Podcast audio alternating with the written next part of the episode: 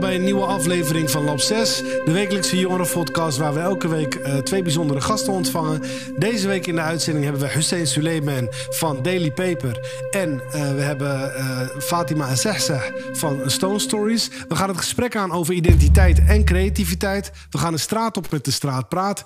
Ik zou zeggen, blijf kijken. Welkom allemaal. Uh, Fatima, ik ga met jou beginnen. Kun jij jezelf voorstellen aan de kijkers en luisteraars thuis? Nou, ik ben Fatima Sasa, 34 jaar, woon in Amsterdam. Inmiddels 11 jaar uh, eigenaar van uh, advies- en projectbureau Jan. En wij bedenken conceptuele producten voor de stad Amsterdam. In teken van uh, duurzaamheid, ondernemerschap en talentontwikkeling. Oké. En um, je bent daarna, daarnaast ook bezig met sieraden kan ja? Ja, sinds 2015 heb ik in principe van mijn, van mijn hobby mijn werk gemaakt. Ja. Hoe heet het bedrijf? Stone Stories. Stone Stories. Ja. Wanneer kwam je op het idee om, om voor jezelf te gaan starten?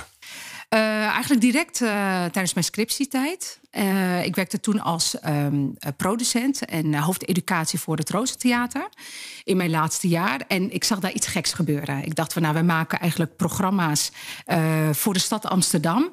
Maar we kregen maar één doelgroep binnen de okay. blanke doelgroep. Toen dacht ja. ik, nou, er gaat iets mis. En uh, nou, veel gesprekken gehad intern en uh, teruggegaan naar school. En uh, nou, ik, had dit, ik had dit verteld tegen mijn scriptieleider. En die zei van, waarom maak je geen ondernemingsplan? Waarom ga je het niet zelf doen? Toen dacht ik, oh, dat is eigenlijk wel een hele slimme. Dus mijn scriptie werd een ondernemingsplan. En toen ben ik eigenlijk vanaf de schoolbanken gewoon hup, meteen doorgegaan. doorgegaan. Ja, ja. En, en wanneer kwam je erop om, om, om met sieraden wat te gaan doen? Ja, dat kwam in 2015, toen ik voor het eerst in Marrakesh was. Kun je okay. nagaan, hè? De eerste keer. En uh, we hadden een soort mini-roadtrip gedaan door het zuiden van Marokko. En ik dacht, wauw, er ging een wereld ja. voor me open. Ik kom zelf uit het noorden van, ja. uh, van Marokko. Dus dat soort ambachtelijke sieraden, dat, dat zag ik bijna niet. Heb je het zo... idee, dat, dat heb ik heel erg. In, in het noorden uh, zie je eigenlijk best vrij weinig van, van de Marokkaanse identiteit. Ja, heel erg. terwijl het zuiden is eigenlijk heel authentiek. Absoluut. Het is, ja. In het noorden is het heel erg Spaans georiënteerd. Ja. ook helemaal geen musea te bekennen. Dat heeft natuurlijk te maken met de voorgeschiedenis. Ja. Hè, die we hebben gehad. Uh, maar het zuiden, nee, dat, dat, daar zit zoveel cultureel erfgoed, heel veel ambacht.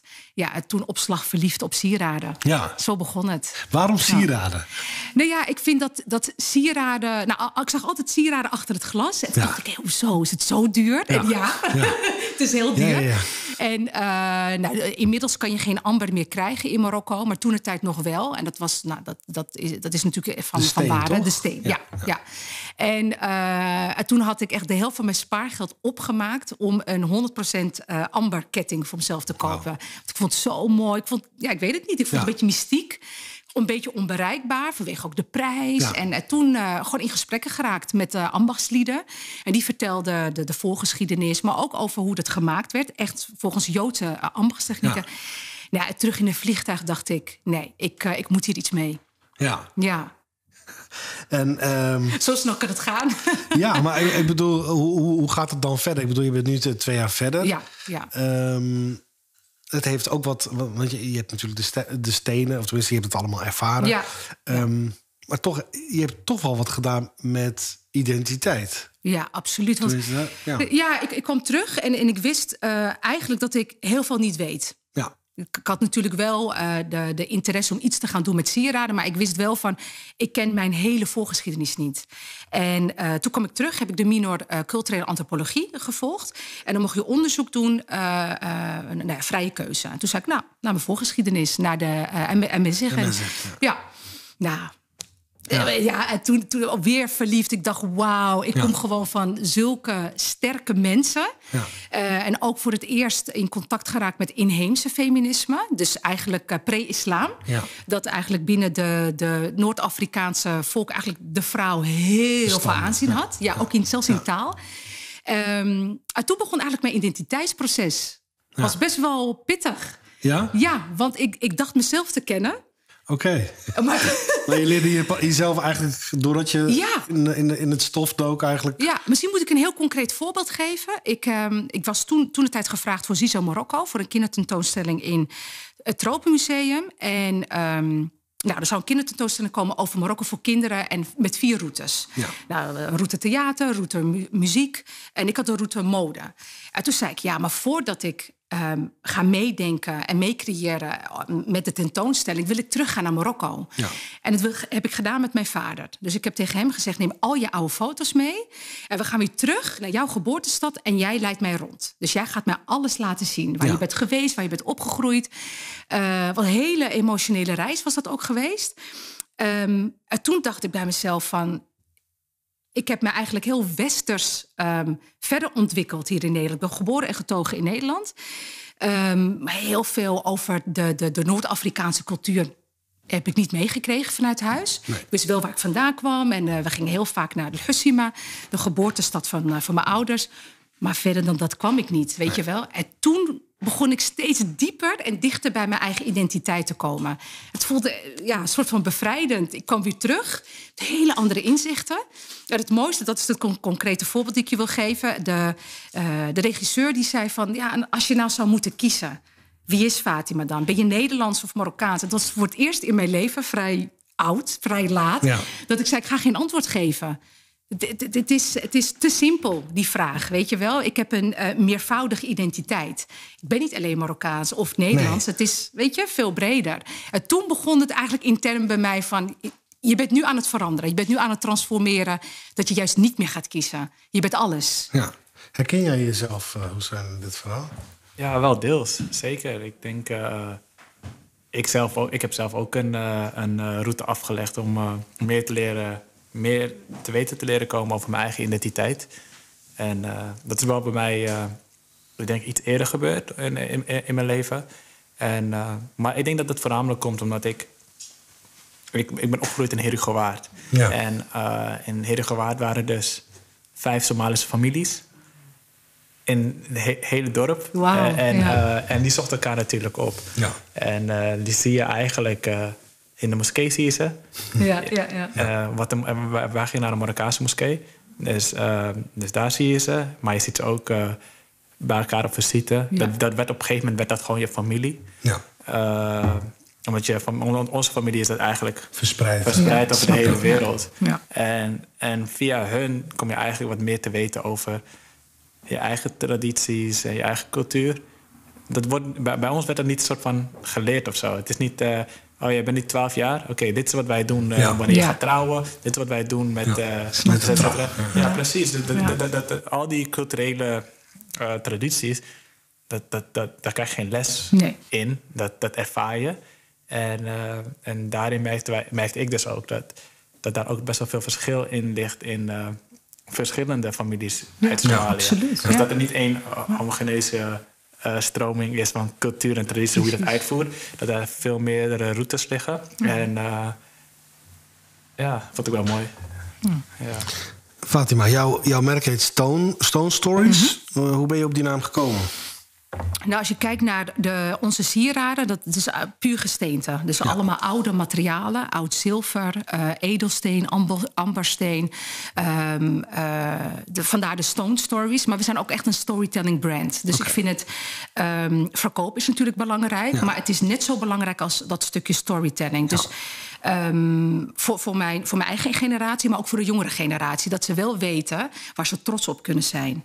Waar, ze, waar ze eigenlijk daadwerkelijk vandaan komen. Is dat ook misschien iets van nu, van deze tijd? Dat je eigenlijk bijna wel een verhaal moet hebben om um, een soort van product te kunnen verkopen? Ja, het zou zeker kunnen. Storytelling wordt steeds belangrijker. Ja.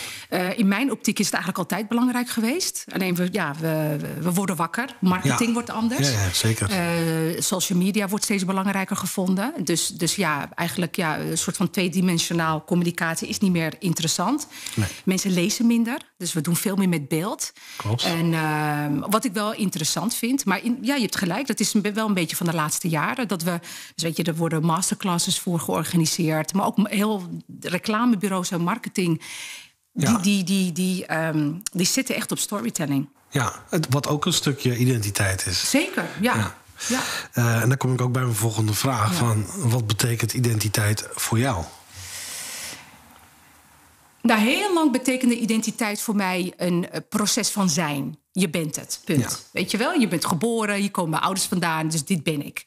En naarmate ik ouder werd, dacht ik, oh nee, helemaal, het is een proces in wording. Dus ik ben continu de Fatima van tien jaar geleden, dus toen ik uh, toen de tijd Fans Productions uh, ja. oprichtte, is compleet anders dan nu. Ja. Weet je wel, dus het zit, zit, zit, het zit hem natuurlijk deels in de roots, in etnici, etnici, uh, etniciteit. Ja. ja. Maar uh, wat ik al zei, weet je, we zijn allemaal, allemaal, niet alleen ik, maar meervoudige identiteiten. Dus ik link mij ook aan mensen, aan plekken, ja. uh, aan verhalen. Weet je, dus, dus identiteit is, is um, complex, tegelijkertijd fascinerend. Dus je, kan, je, kan, je kan het niet vastschrijven vanuit mijn optiek. Nee, nee. Zonder identiteit dan ben je eigenlijk een nobody. Ja, ja en, en ook wel. Um, nu, nu ik het kan vergelijken, het leven dat ik niet wist waar ik vandaan kwam, of überhaupt het woord Emmen zich, waar kwam het nou vandaan ja, en waarom vrij mens? Um, en, en nu ik dat wel weet, dan denk ik, oh, wat, wat, een, wat een gemiste kans of zo, weet je wel? Want het is zo'n rijke geschiedenis. Ja. Uh, en heel vaak hier in Nederland is het best moeilijk hè, om met twee nationaliteiten te leven, omdat we nou ja, nu ga ik een beetje generaliserend praten. Maar je, je voelt je niet altijd even thuis, zal ik maar zeggen. Uh, terwijl op het moment dat ik dus dat onderzoek deed, dacht ik, ja, maar dit maakt mij zo trots. Ja. Ik heb daar nu totaal geen moeite mee. Terwijl vroeger, toen ik uh, nou, op het College Lyceum zat, middelbare school, ik had alleen maar Nederlandse vriendinnen. Pff, dat was uh, een toneelstukje op school. Omdat het twee werelden waren, weet je? Ja, maar ja, ik bedoel, nu heb je best of both. Zeker, ja, dat gevoel, ja. ja. Ja. Heeft je identiteit bij het, bij het opzetten van, van je bedrijf ook voor obstakels gezorgd? Goeie vraag. Um, nee, vanuit mijn op. Nee. Hadden mensen niet bijvoorbeeld zoiets van. Uh, nou, aparte sieraden, maar uh, waar komt dit vandaan? Ja. Of uh, zoiets van: oh, dat is daaraan gelinkt. liever niet? Of... Nou ja, ja.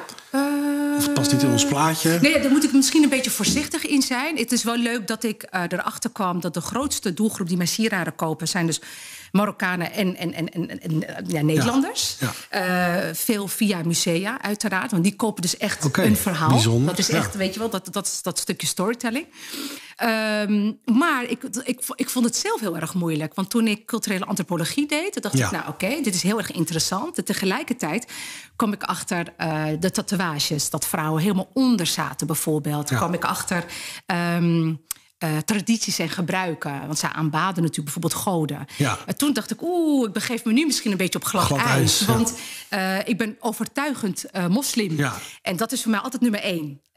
dus ik, ik noem mezelf ook niet... Sommige mensen denken, ben je dan activistisch? Omdat je zo pro ja, ja. en met zich bent? Absoluut niet. Nee. Bij mij gaat het echt om de artistieke vorm... en weten waar je vandaan komt. Ja. Maar als je, als je het zou moeten zeggen van... nou, als je echt zou moeten kiezen... ik vind die, die Emmenzigt tatoeages helemaal geweldig. Helemaal geweldig. En als het mocht, dat zat eronder. Maar omdat islam zegt nee, weet je wel, dan doe ik het niet. Nee. Uh, maar dat was voor mij een, vooral een intern proces voor mij. Van oké, wat, wat, wat, wat ga je kiezen? Wat is, wat- hoe ga je dit een plekje geven in je leven? En hoe ga je dit ook Ja. uitleggen aan familieleden?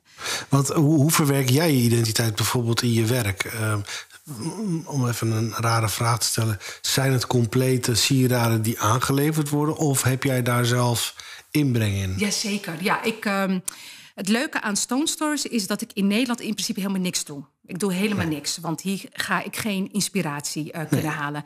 Eh, ik boek gewoon een ticket naar Marokko, een enkeltje. En daar begint eigenlijk de roadtrip. Ja. Dus dan, dan heb ik bijvoorbeeld voor de eerste twee nachten een, een hotel of een riad. En dan ga ik gewoon kijken. Want ik wil geïnspireerd raken. Ik wil mensen leren kennen die ik niet ken. Ja. Ehm, en het leuke ook is, ik vertel tegen niemand in Marokko dat ik een sieradenlijn heb. Nee.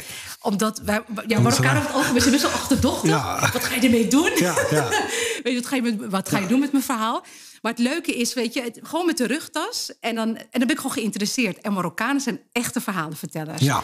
Dus die zijn super blij. Zeker met, in het ze- zuiden is het altijd Zo. wel... eh, ja. Het leuke ook is, is dat eh, de eerste keer dat ik de roadtrip dacht, dacht ik: oké, ik moet naar mijn ambachtsman gaan. Ik eh, Ja. moet hè, schetsen aanleveren, want zo gaat dat. Ja. En hij maakt het. Samples. Maar ook, precies, maar ook met zijn eigen inbreng. Dus ik zeg, nou, ik wil dit. En dan zeg ik altijd, maar Mehdi, kijk jij maar. Ja. Weet je wel? En dan, komt hij met iets van, ja, wat vind je hiervan? En dan denk ik, ja, dit is Ja. het. Het is echt gewoon een, heel, een, een goede 1-2'tje hebben wij. Dat doet het overigens in, eh, in. Ja. Maar verhalen dus. Dus zo zie je maar, zonder ehm, eh, die verhalen kan ik die schetsen niet maken. Bijzonder. Ja. Ehm, wie wil je bereiken met je product? Nou, er zijn toch wel twee um, hele belangrijke doelgroepen. De ene doelgroep um, uh, is de, de, met dezelfde roots. Dus de mensen die zeggen, ja, ik ben ook uh, uh, MSig, maar ik weet heel weinig. Dat ze bijna verliefd worden weer op hun eigen roots en op hun eigen verhaal. Mm -hmm. En dat daar een soort van een trotse identiteit uit voortvloeit. Dus dat is een hele belangrijke. En de andere is, ja, dat zijn mensen die die Stone Stories gewoon heel goed begrijpen via het verhaal. Elk, elk sieraad heeft een verhaal. Dus dan vertel ik, uh, bijvoorbeeld er is een sieraad die in Suera is ontwikkeld. Okay. En de andere in Marrakesh, de andere ja. in Ouarzazate. En dan vertel ik hoe het allemaal zo is ontstaan. Weet Elke je wel? steen heeft eigenlijk zijn verhaal. Ja, we zeggen ook uh, Stone Stories make it your own. Want het is tijdens de reis, na de reis is het mijn verhaal. Maar op het moment dat je hem koopt, wil ik dat jij je eigen verhaal creëert. En dat... Uh, onder de noemer uh, uh, dat wij binnen de Marokkaanse gemeenschap bekend zijn met, met bruidschat. Ja. vroeger waren dat dit soort sieraden. Ja. Dus op het moment dat je die sieraden kreeg, dan ging dat over naar de dochters en dan het weer naar de dochters. Dus het was echt een stukje, stuk erfstuk wat je ja, had. Erfgoed, ja. Of erfgoed, inderdaad. En um, die waarde probeerde ik weer via Stone Stories terug te geven. Mee te geven. Ja. Bijzonder, ja. Um, hoe, hoe zoek jij constant um, vernieuwing in je, in je product. Want ik kan me best voorstellen dat dat, uh, dat zijn stenen die al ja. van een, een, lange tijd terugkwamen. Ja. Of tenminste, terug, tenminste ja, uit het verleden komen. Uh, hoe, hoe doe je dat om constant vernieuwing te zoeken in je product? Dat lijkt me ja. vrij moeilijk. Ja. Ja, het gaat eigenlijk heel organisch. Ja. Ik ben uh, sowieso van kleins af aan heel erg geïnteresseerd geweest in mode en kunst. Ja. In, in, in welke hoedanigheid ook. En kunst en mode wordt ook ingezet als middel uh, bij Bureau Jan om maatschappelijke vraagstukken te bespreken. Ja. Bijvoorbeeld, we doen het Amsterdam Fashion College in samenwerking met het Van Gogh Museum, waarin we echt letterlijk mode en kunst combineren. Maar het maatschappelijke doel is ondernemerschap. Dat is zelfredzaamheid. Dus al die uh, facetten komen, komen mooi samen. Ja, en het leuke is, is dat dat indirect ook voor inspiratie zorgt. Voor um, ja, nieuwe ideeën, met name voor Stone Stories. Ja. Dus wij uh, komen, we hebben het eerste filmpje al opgenomen, maar er komt een tweede filmpje van Stone Stories verteld. En dan ga ik letterlijk voor de camera zitten en dan vertel ik echt het verhaal zoals ik nu doe. Ja. En de verhalen en de mensen die ik ben tegengekomen. Ik geef ze allemaal weer even een gezicht. Ja, is het niet interessant, ik bedoel, wanneer de vluchten weer allemaal mogelijk zijn, Ja. om die mensen ook zelf te interviewen? Zeker. Zeker. Ja, we, we zijn nu bezig met Atlas Bridges. Ja. Eh, om eh, via de ministerie van Marokko en ook natuurlijk de ambassade eh, onze eerste ambachtsreis te maken. Dus dan komen, gaan creatievelingen echt met ons mee. En dan laat ik echt zien hoe ik te werk ga. Um, maar via de ministerie gaan wij uh, contact opnemen, ook natuurlijk met ambachtsscholen in Marokko. Dat is echt Ja. geweldig. Uh, en op die bestaan die nog echt, Ja. die ambachtscholen? ja, gelukkig wel. Ja. Ja, echt. Je hebt ook echt een, een- de, ministerie van ambacht. Eh, alleen het stomme aan Marokko is dat ze geen patent hebben op echt eh, eh, ja, handmade spullen uit Marokko. Dus denk aan de Handira-kleden, de baboes-slippers. Je zou denken, why? Waarom de ergenolie? Ja. Alles wordt gewoon geëxporteerd en dat, dat krijgt een eigen naam. Ja. En nu ben ik bezig met, eh, samen met Atlas Bridges om te kijken hoe kunnen we het weer vastgrijpen. En het ministerie wakker schudden om, eh, om dat terug te claimen. Ja, dat is Ja. best bijzonder. Heb je naast je sieradenlijn ook nog eh, andere ambities die je zou willen nastreven? Je noemde het net al, Bureau Jan. Ehm, wat, wil je, wat zou je met Bureau Jan willen berei- bereiken? Of, Eh, nou, het leuke is, is dat ik eh, ook eh, sinds een jaar, eh, nu ga ik even iets verklappen, ben ik sowieso eh, me heel erg bezig gaan houden met NGO's en met vluchtelingenwerk. En dat komt omdat. eh, ja, ook binnen mijn vriendenkring eh, zijn er wat ongedocumenteerden en mensen die wel statushouders nu zijn. Ehm, en door, door die verhalen ben ik eigenlijk heel erg geprikkeld geraakt om daar iets mee te doen. Ja. Maar wel weer via de kunsten. En eh, ik heb wat gesprekken lopen ook met NGO's om te kijken. En met Amsterdam 750 jaar. Over vijf jaar gaan we 750 jaar ja, met het. Amsterdamse museum is dat als het Ja, goed is. nou, echt, eh, door heel Amsterdam. Ja. Dus dat is echt helemaal geweldig. Er zijn verschillende partijen eh, actief. En ook met hun ben ik nu bezig om een project op te zetten... waarin wij eigenlijk die onzichtbare gezichten zichtbaar gaan maken. Want de problemen onder de ongedocumenteerden is eigenlijk nog echt veel erger dan we denken. Ja. Het gaat, draait niet alleen maar om niet een papiertje te hebben, maar door die persoonlijke verhalen ben ik zo geraakt dat ik dacht, ik moet daar iets mee gaan doen. Dus we zijn achter de schermen heel erg aan het kijken. Nou, straks nu ook met Amsterdam 750 jaar. Hoe kunnen we ja, echt krachten bundelen om die groep op een artistieke manier, want dat verdienen ze ook, uh, zichtbaar te maken. Ja, dat ze betrokken zijn ook bij Amsterdam. Ja, ja. Ja, het is uh, een hele mooie, hele mooie uh, uitdaging. Ja. Super. En dankjewel, uh, Fatima. We gaan, we gaan nu naar de straat praat. we gaan jongeren op straat vragen wat hun vinden over identiteit. Ik zou zeggen, blijf kijken. Wat versta jij onder identiteit? verschillende culturen. Iedereen moet zich, ja, gewoon je leeftijd, gewoon afkomst, et cetera iemand, iemand hoe oud hij is, zijn cultuur, van wat voor omgeving hij komt, leeftijd, ja. Dat. Hoe draag jij je identiteit uit? Ja, ik ben gewoon door mezelf te zijn, dat is het gewoon. Hoe ik er zelf mee omga, um, ja, iemands identiteit gewoon, ja, zijn nationaliteit, zijn leeftijd, ja, dat is het gewoon, ja. Word je ook wel eens benadeeld vanwege je identiteit? Nee, niet echt. Tenminste, ik niet. Verschillende andere mensen wel, maar uh, ik zelf niet. Nee, ik ben zelf nog nooit benadeeld door mijn identiteit. Maar ik weet wel dat er mensen worden gediscrimineerd hier in Nederland. Ook in, gewoon door heel de wereld. Vooral met dit gebeuren van uh, Black Lives Matter. Ik vind het wel eigenlijk wel een beetje, een beetje stom voor die mensen. Maar uh, ik hoop voor ze dat het snel voorbij is. Bepaalt kleding ook een deel van je identiteit? Nee, niet echt. Ik vind uh, dat iedereen uh, mag dragen, doen wat hij wil. Uh, niet bij mij, maar ik heb wel vrienden van me die bijvoorbeeld een trainingspak krijgen, maar die worden vaak gelijk bestempeld door mensen. Dat ze gewoon een, een mening over hun krijgen. Dat ze gewoon een mening van hun krijgen. Maar over mij, ik heb dat nog nooit meegemaakt, nee.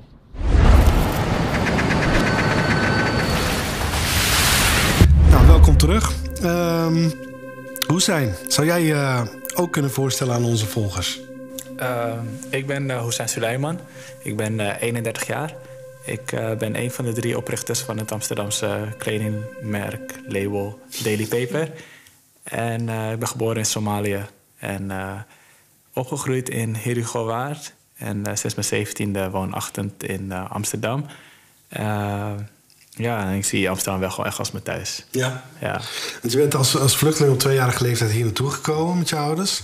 Nou, fast forward ben je nu uh, van, ja, een van Nederlands meest succesvolle ondernemers in de modebranche. Um, zou je eigenlijk wat meer kunnen vertellen over de weg die jij eigenlijk hebt afgelegd? En volgens mij is het ergens begonnen.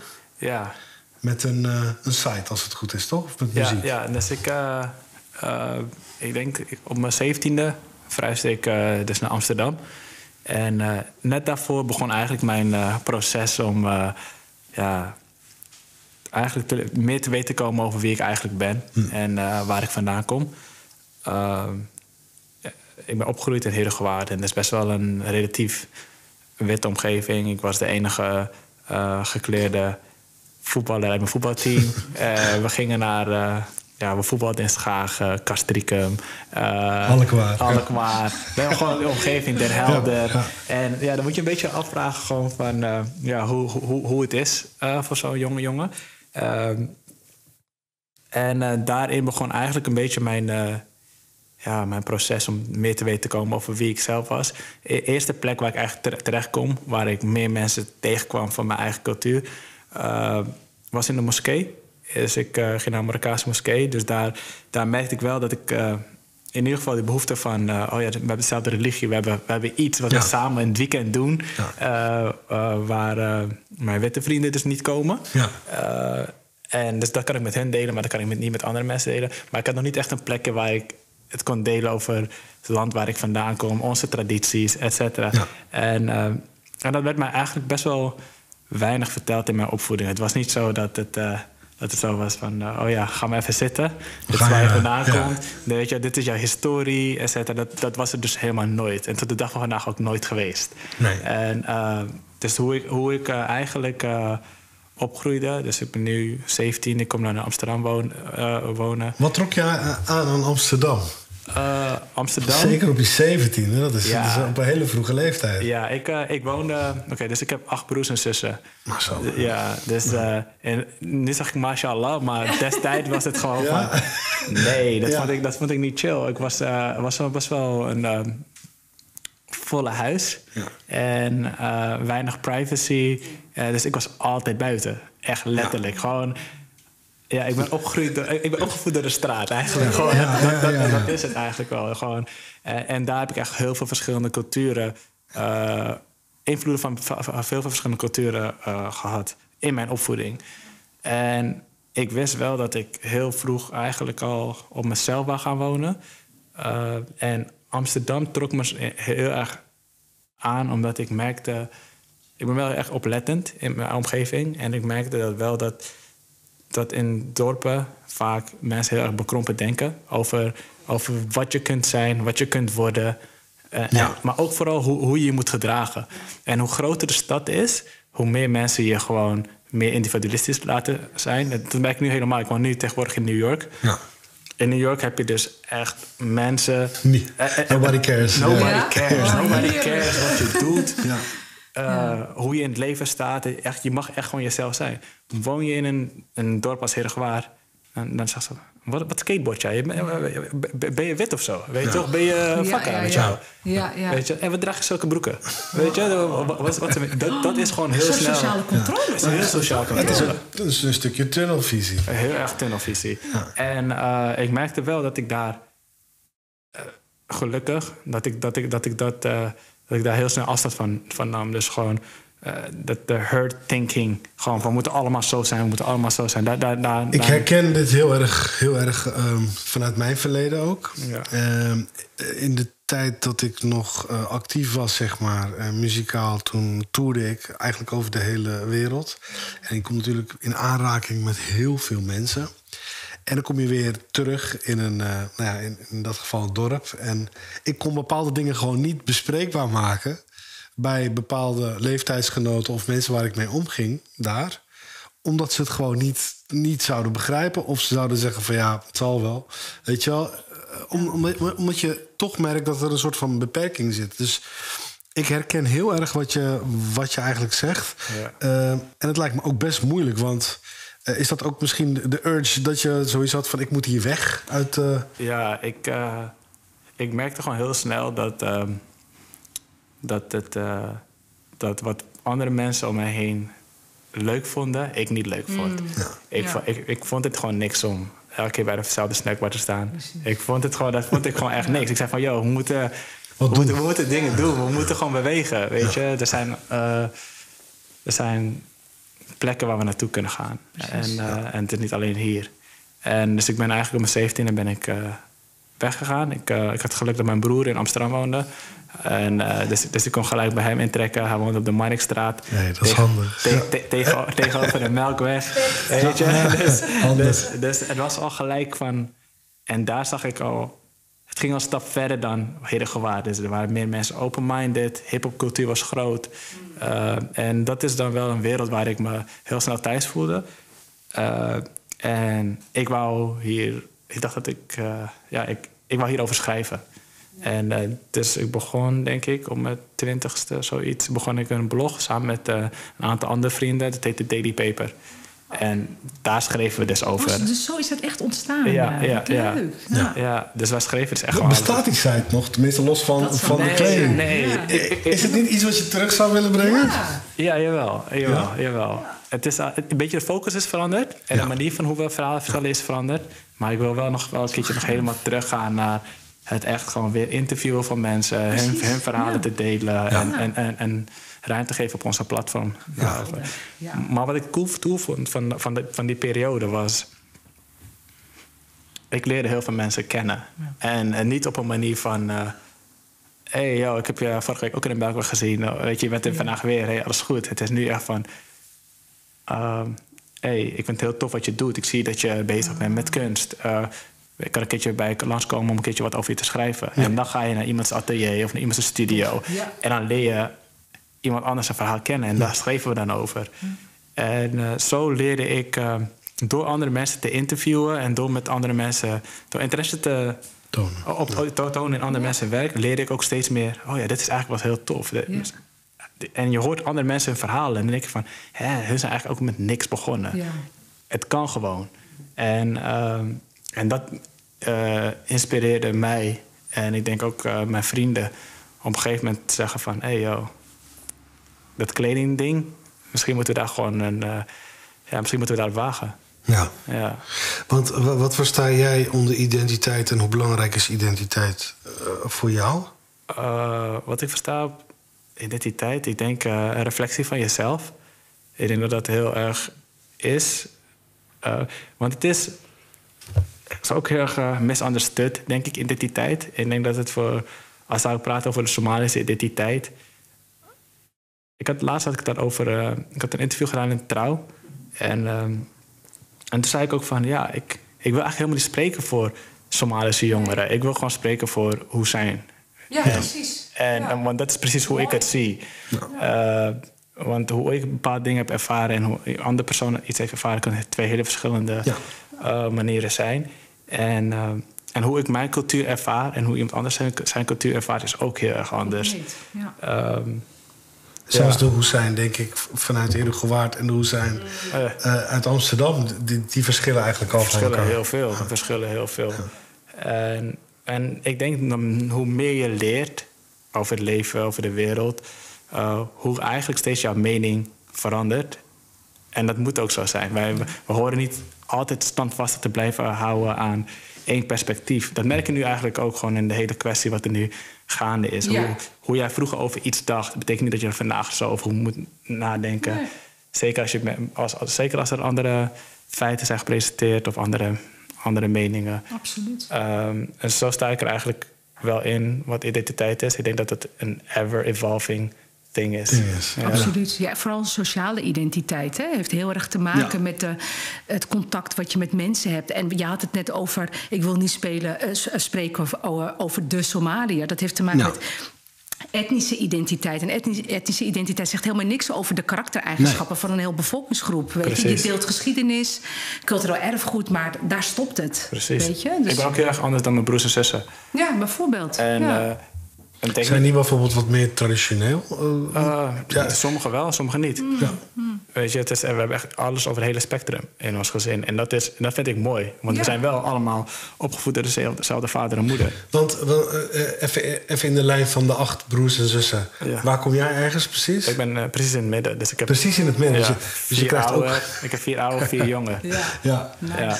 En merk je dan ook een verschil bijvoorbeeld bij de oudste? Dat die misschien een stukje meer um, traditioneler is? Precies. precies. Je, je, je kan gewoon, het is echt gewoon... De spectrum is gewoon helemaal zo. Ja. Dus ouder, weet je. Ja. ja. Ja, heel bijzonder. Heel het ligt ook aan um, uh, hoe je bent opgegroeid. Hè? Ja. Uh, ik ben opgegroeid als een... Ik was twee jaar toen ik in, toen ik in Nederland ja. kwam. Ja, in Herugewaard. En in Herugewaard. Ja. En mijn ouders spraken toen alleen maar Somalisch. Ja. Dus ik ben heel erg in de, in de Somalisch opgevoed, Precies. in mijn opinie. Ja.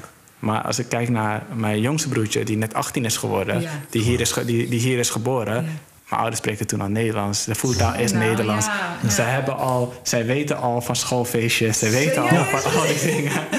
Ze hebben al uh, wat meegemaakt. Ze alles al een maar meegemaakt. ook broers onderling praten misschien wat meer Nederlands met elkaar. Inderdaad. Ja. Dat, uh, dat is ook natuurlijk een... een want hoe, met, met, hoeveel verschil zit er tussen jou en de oudste bijvoorbeeld? Uh, zo, ik... Uh, geen idee. Ik weet wel, uh, hij is nu volgens mij 38, dus uh, 7. Oh, ja, dat, ja, ja, best mee. Volgens mij 38. Misschien geef ik hem nu een compliment. Ja, ja, ja precies. ja. Hey, wat, wat voor rol um, speelt um, identiteit uh, in jullie kledinglijn, uh, Daily Paper? Uh, ja, een hele grote rol. Ik denk dat wij, wij zijn destijds begonnen omdat uh, we kwamen, dus mijn twee partners is, zijn Jefferson Osei, die komt uit Ghana, geboren in, in Nederland. Okay. En Abdurrahman Trafsini, van Marokkaanse komaf, geboren in uh, Amsterdam. Hm. En uh, ja, wat wij eigenlijk wel merkten, heel, heel vroeg, toen wij begonnen met, uh, met, met het maken van kleding is dat het uh, het mooiste kunst. Al wil je kunst authentiek maken, zo authentiek mogelijk, dan moet het een reflectie zijn van jezelf. Mooi. En, uh, en ik merkte wel dat ik heel veel wist over wat mij werd geleerd op school, over de historie van het Romeinse Rijk, het Griekse alles eigenlijk. Weet je, hoe Verenigde Staten, weet je, koloni kolonisatie. kolonisatie van Nederland, daar leren we ook een klein beetje van. maar, maar helemaal niks over wat gebeurde er nou in Ghana destijds. Wat gebeurde er in Marokko destijds. In Afrika. wat gebeurde er in heel Afrika. Ja. een van de rijkste culturen en eigenlijk identiteiten, denk ik. Ja, precies. Bedoel, uh... Maar al, hadden we des, al had ik het over Afrika toen ik jong was dan schaamde ik me heel snel. Hmm. Dan was het de jeugdjournaal en dan ging het over wat er in Darfur gebeurde. Derde wereld. Of, uh, het werd de derde wereld. Het werd gewoon eigenlijk een soort van als een, een failed continent. Precies. Dat was het. En elke keer als het over Afrika ging, was het over het negatieve. Ja. En uh, als die televisie op, in, in de klas kwam, toch, dan was iedereen altijd blij, toch? Yes, yes, we gaan televisie kijken. En ik altijd gewoon hopen van, hé, hey, laat de jeugdjournaal niet over, over zoiets gaan vandaag. Want, want het, het, het, het, het het heeft wel impact op je identiteit. Tuurlijk, het heeft, op je zelfbeeld, over hoe jij over... Als je niet met trots naar je eigen cultuur kan kijken...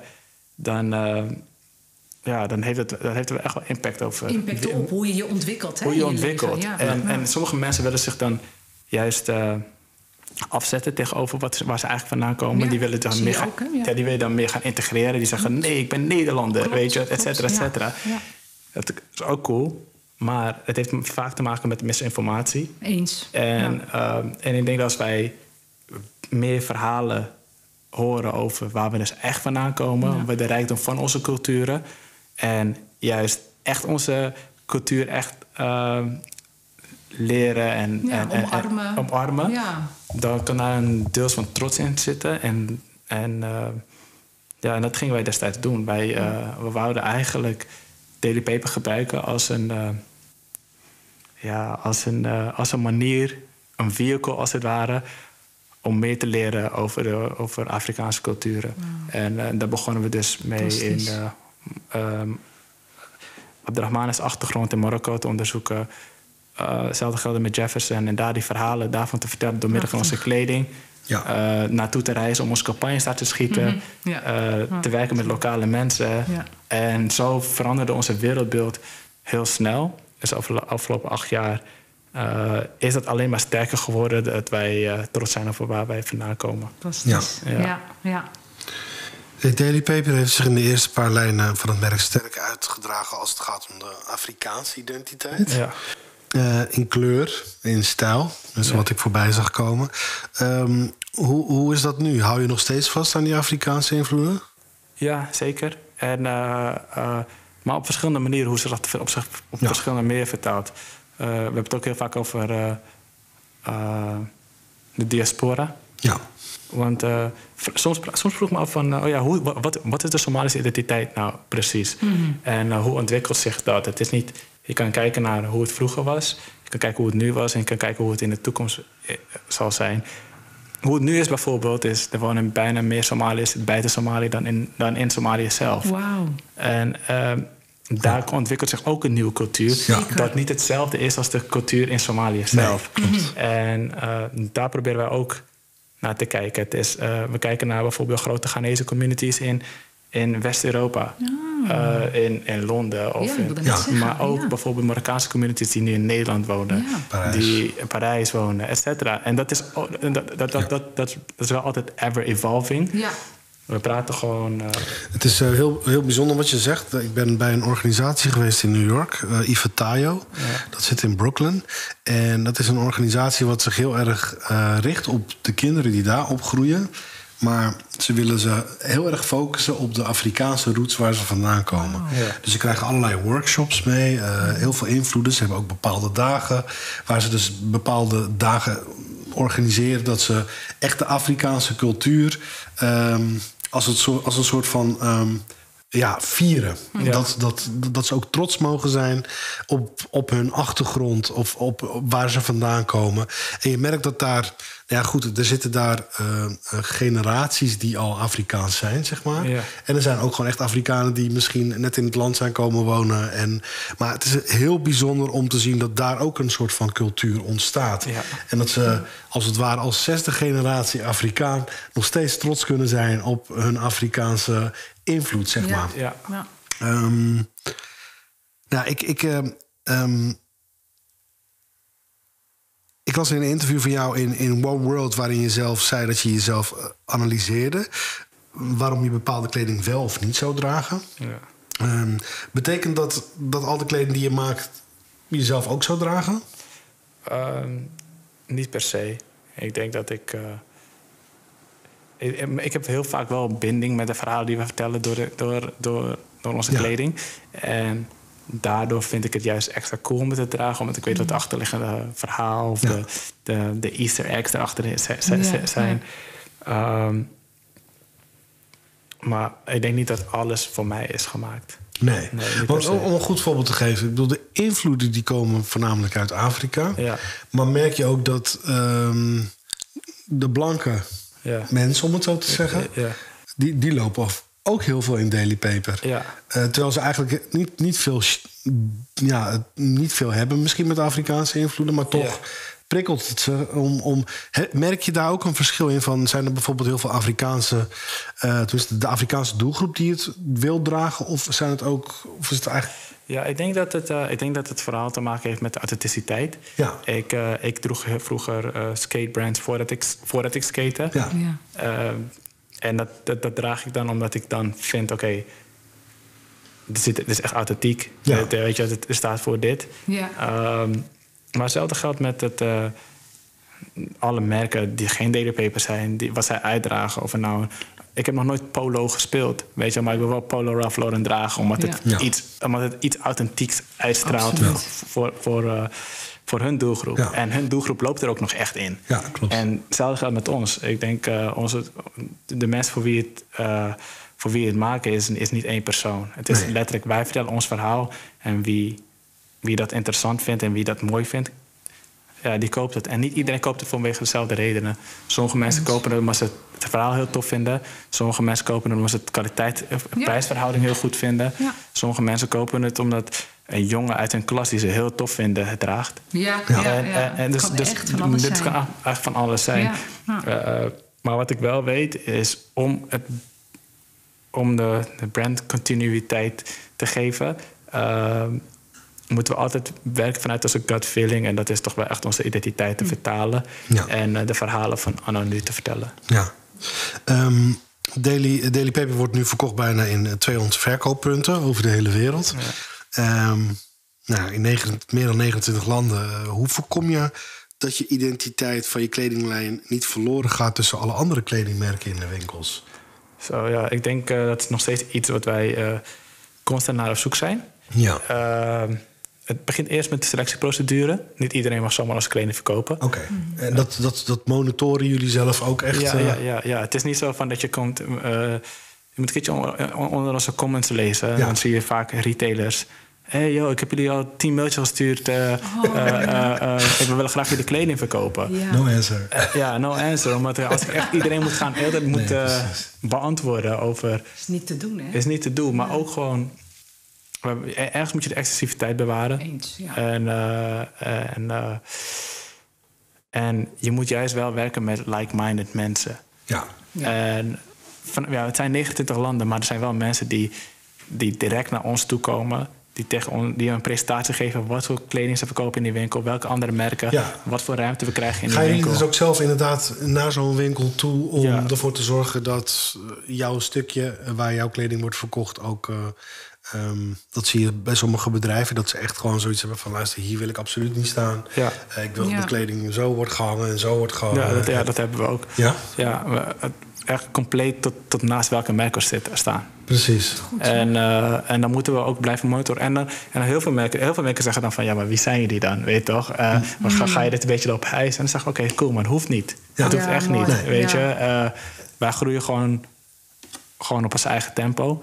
En als jij in onze visie gelooft, dan Ja, eh, klopt. let's go. Heb je, niet, heb je ook niet zoiets dat als je het bij een retailer neerlegt, eh, voor de jongeren thuis, retail, dat zijn andere winkels, dus niet je eigen winkel, maar andere winkels die jouw product verkopen, dat je ook een stukje controle kwijtraakt? Want je, Ja. bedoel, je geeft aan natuurlijk, eh, je, je doet wel controle. Maar ik kan me voorstellen dat als je 200 verkooppunten hebt, bijvoorbeeld, Ja. dat het ja, vrij lastig is om alles eh, te, te kunnen blijven monitoren. Weet je, of, of hoe ze ermee omgaan. Of ehm, ehm, je ziet dat sommige brands bijvoorbeeld hun, echt hun eigen kleding eh, eh, stores hebben. Jullie hebben ook jullie flagships eh, stores. Ehm, daar heb je het natuurlijk echt voor het zeggen en kan je het zelf zo indelen. Ja. Willen jullie nog meer hiermee zeg maar, gaan werken met die flagship stores? Dat jullie meer gaan openen om daar wel meer controle over te hebben? Ja, ik denk. Al ga je werken als wholesale, dus als je, je, je- je, eh, met andere retailers werkt, zodra je dat doet.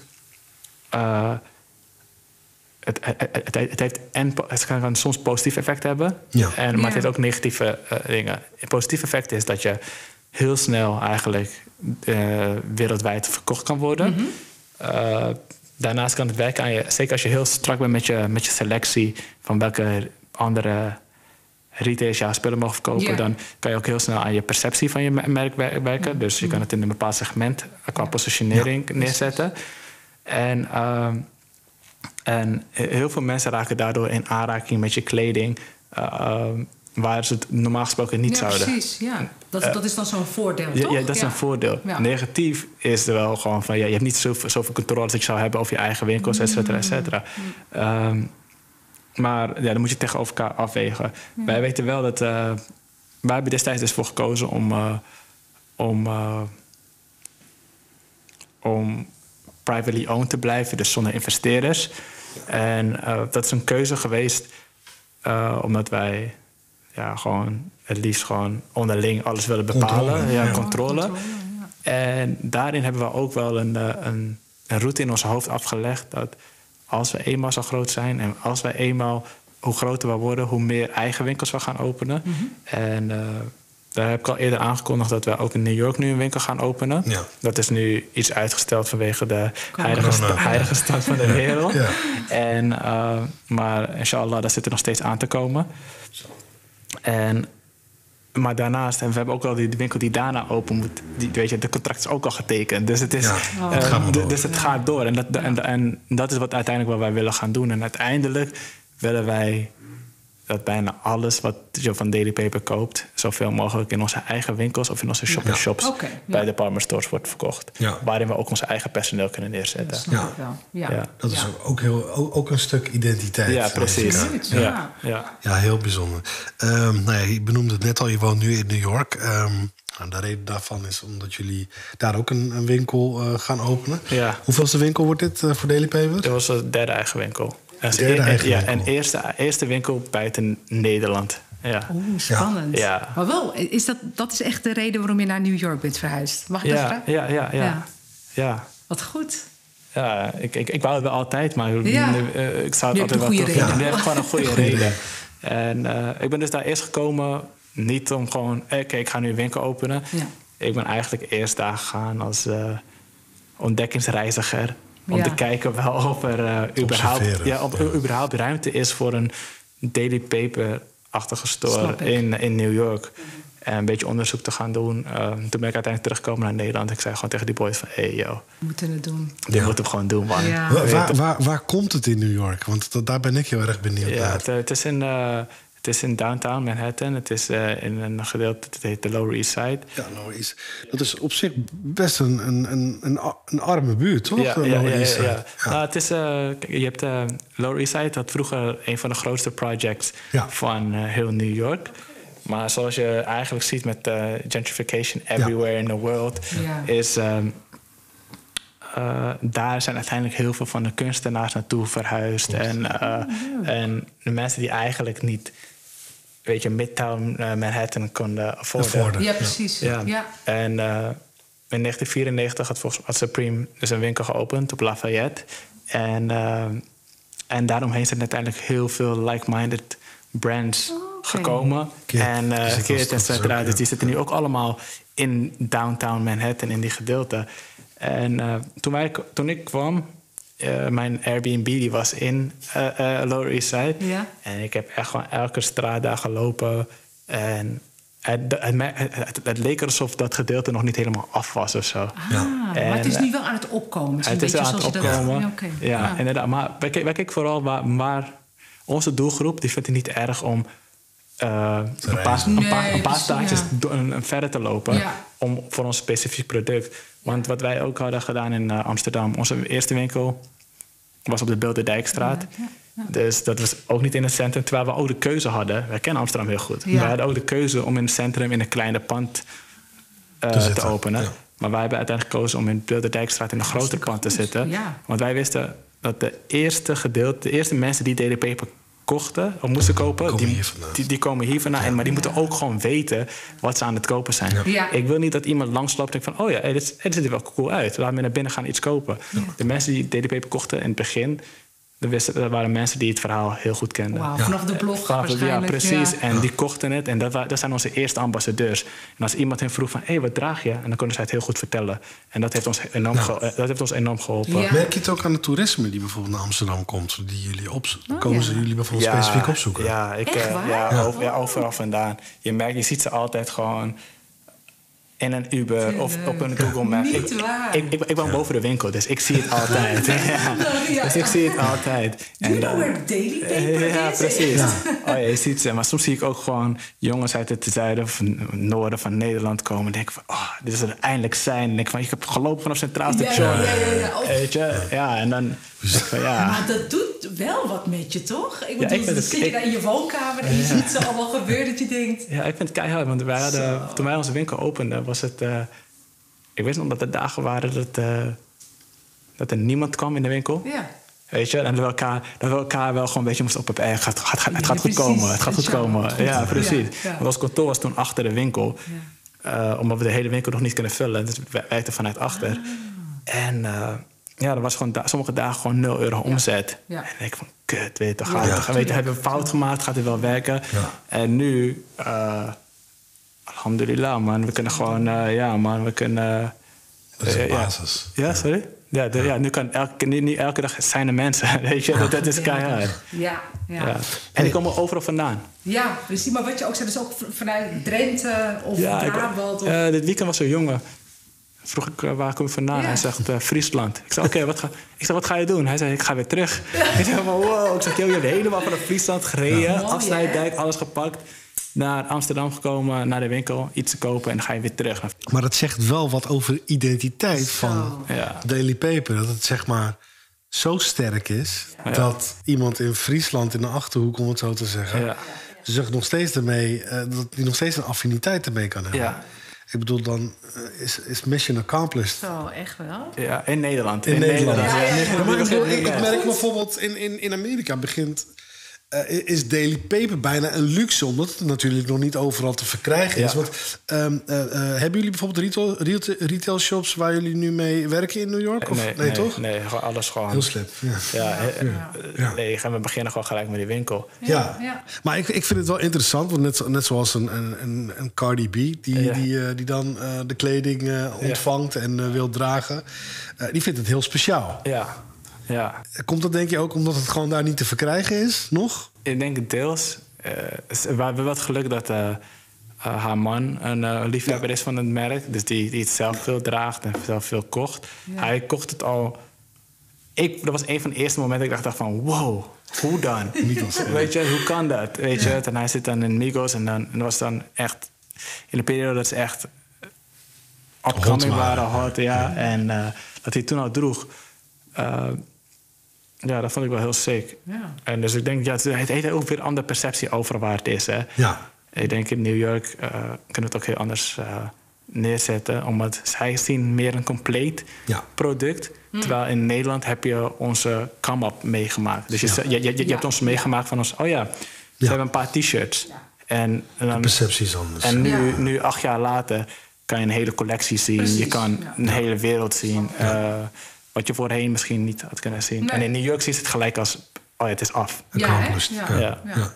Je, je benoemde het net eh, eigenlijk al van ehm, jullie willen eigenlijk niet met de investeerders in, in zee gaan. Ja. Eh, kom je wel op een bepaald punt dat je denkt van, oh, weet je wel, ehm, we komen eigenlijk net tekort of ehm, eh, moeten we nu wel in zee gaan met investeerders?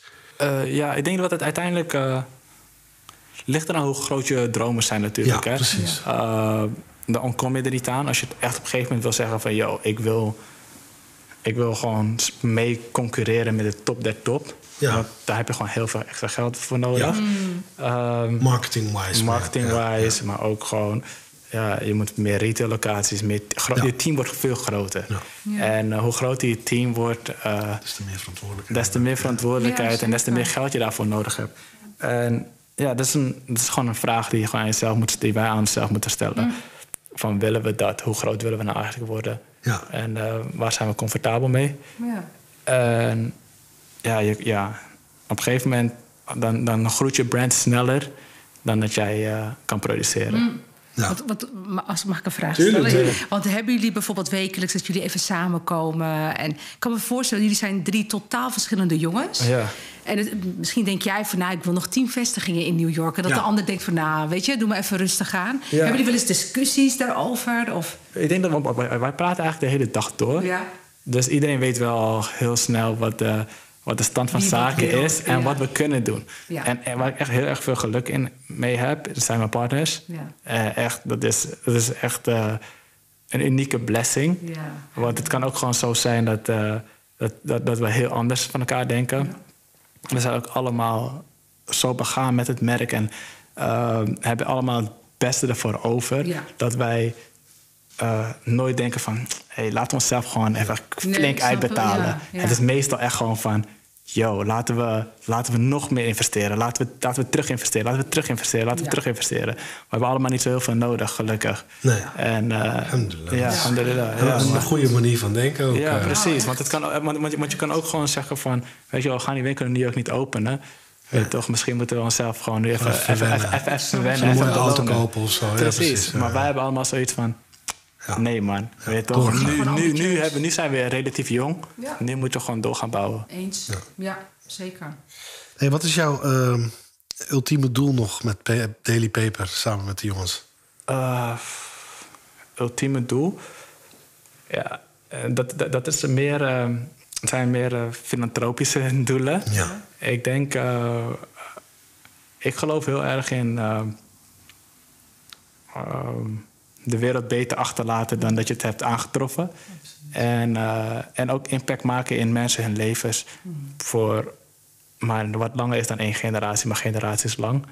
Eh, dus ik zou mijn, mijn uiteindelijke doel met Daily Paper gewoon... en het maken van kleding zou wel echt zijn... eh, het, eh, het productieproces eh, aanpakken in, eh, in, in Afrika. Oh, want, ja. want, want produceren, jullie produceren nu voornamelijk in Europa. Ja, Maar zouden jullie dat bijvoorbeeld echt in Afrika eh, over willen zetten? Dat jullie je eigen productie eh, kunnen opzetten vanuit Afrika? ja ik, eh, het- er komt gewoon met, met zijn obstakels op dit Ja. moment. En we, kunnen, we zijn nu niet... Competitief gezien is het het makkelijkst om het in Europa te doen. Ja. Omdat je snel kan reageren. Je kan Open douanes. je zeg maar. open douanes, Ja. et cetera, et cetera. papierwerk. Inderdaad. En ook gewoon... eh, ja, ja, gewoon, het gaat gewoon... Het, is, het, het, het staat er al. Dus je, hoeft, je, je, je kan, je kan er gewoon gelijk in, in ritsen, als het ware. Als willen wij het nu naar Afrika ver- verplaatsen... dan eh, zijn we dus niet zo snel als onze concurrenten. Kunnen niet zo snel het, a- a- het aanleveren. Ja. Ehm, dus ik zou wel op een gegeven moment... wanneer wij, wanneer wij wat meer tijd vrij hebben... om te kijken of we misschien zeggen van... oké, we gaan nu onze t-shirts alleen verplaatsen. Ja. En dan gaan we misschien onze caps verplaatsen, et cetera, et cetera. Dat we dat Ja, gewoon dat het, maar dat het ook weer een soort van een nieuwe storytelling begint hè, bij Daily Paper. Ja, dus precies. dat jullie echt eh, een soort van return to sender, waar het allemaal mee Ja. is begonnen. Ja. Dat jullie het eigenlijk voor het volk weer werkgelegenheid biedt. En, maar dat je Inderdaad. iedereen ook meeneemt in dat verhaal. Ik denk dat je ook weer een compleet andere doelgroep aantrekt. Inderdaad. Ik, eh, back to the community. Ja, precies. Ik eigenlijk, denk, Ja. eh, ik zie gewoon onze productiefacturen, dus hoeveel geld we eigenlijk eh, overmaken aan onze producenten. Ja. En tegenwoordig uh, is, is, is, die conversatie best wel vaak gaande, toch? Ja. Of je moet wel weten waar je geld aan uitgeeft en aan wie je het uitgeeft. Mhm. En, want ehm, op het moment dat er iets is wat jou stoort in de wereld en geld moet worden opgehaald, krijg je niet van hun. Precies. Ja. En uh, dus eigenlijk het beste wat je kan doen is wel je eigen economieën opbouwen. Absoluut. Of, uh, en, en te investeren in mensen met, de, met dezelfde soort uh, principes als jou. Juist, en, ja. Ja, dus, die het weer kunnen oppakken. Ja, inderdaad. Ja. Dus het geld moet toch uitgegeven worden. Kleding dat moet toch geproduceerd worden. Het, dus als, als er iemand is daar in Somalië, Ghana, Marokko... Ja. die zegt van, ik zou het heel graag voor jullie willen doen... of uh, et cetera, dan uh, geef ik liever daar mijn geld uit. Nee, precies. Uit. Hey, ik wil jullie beiden bedanken voor jullie komst en deelname. Dat is leuk. Ik, uh, ik, wens jullie sowieso heel veel succes met alles wat jullie doen. Ik vond het een zeer bijzonder gesprek. Bijzondere verhalen ook. Ehm, ja, en uh, wij blijven jullie ook gewoon volgen. Yes. Um, mijn naam is uh, Abitunsi en uh, dit was Lab 6.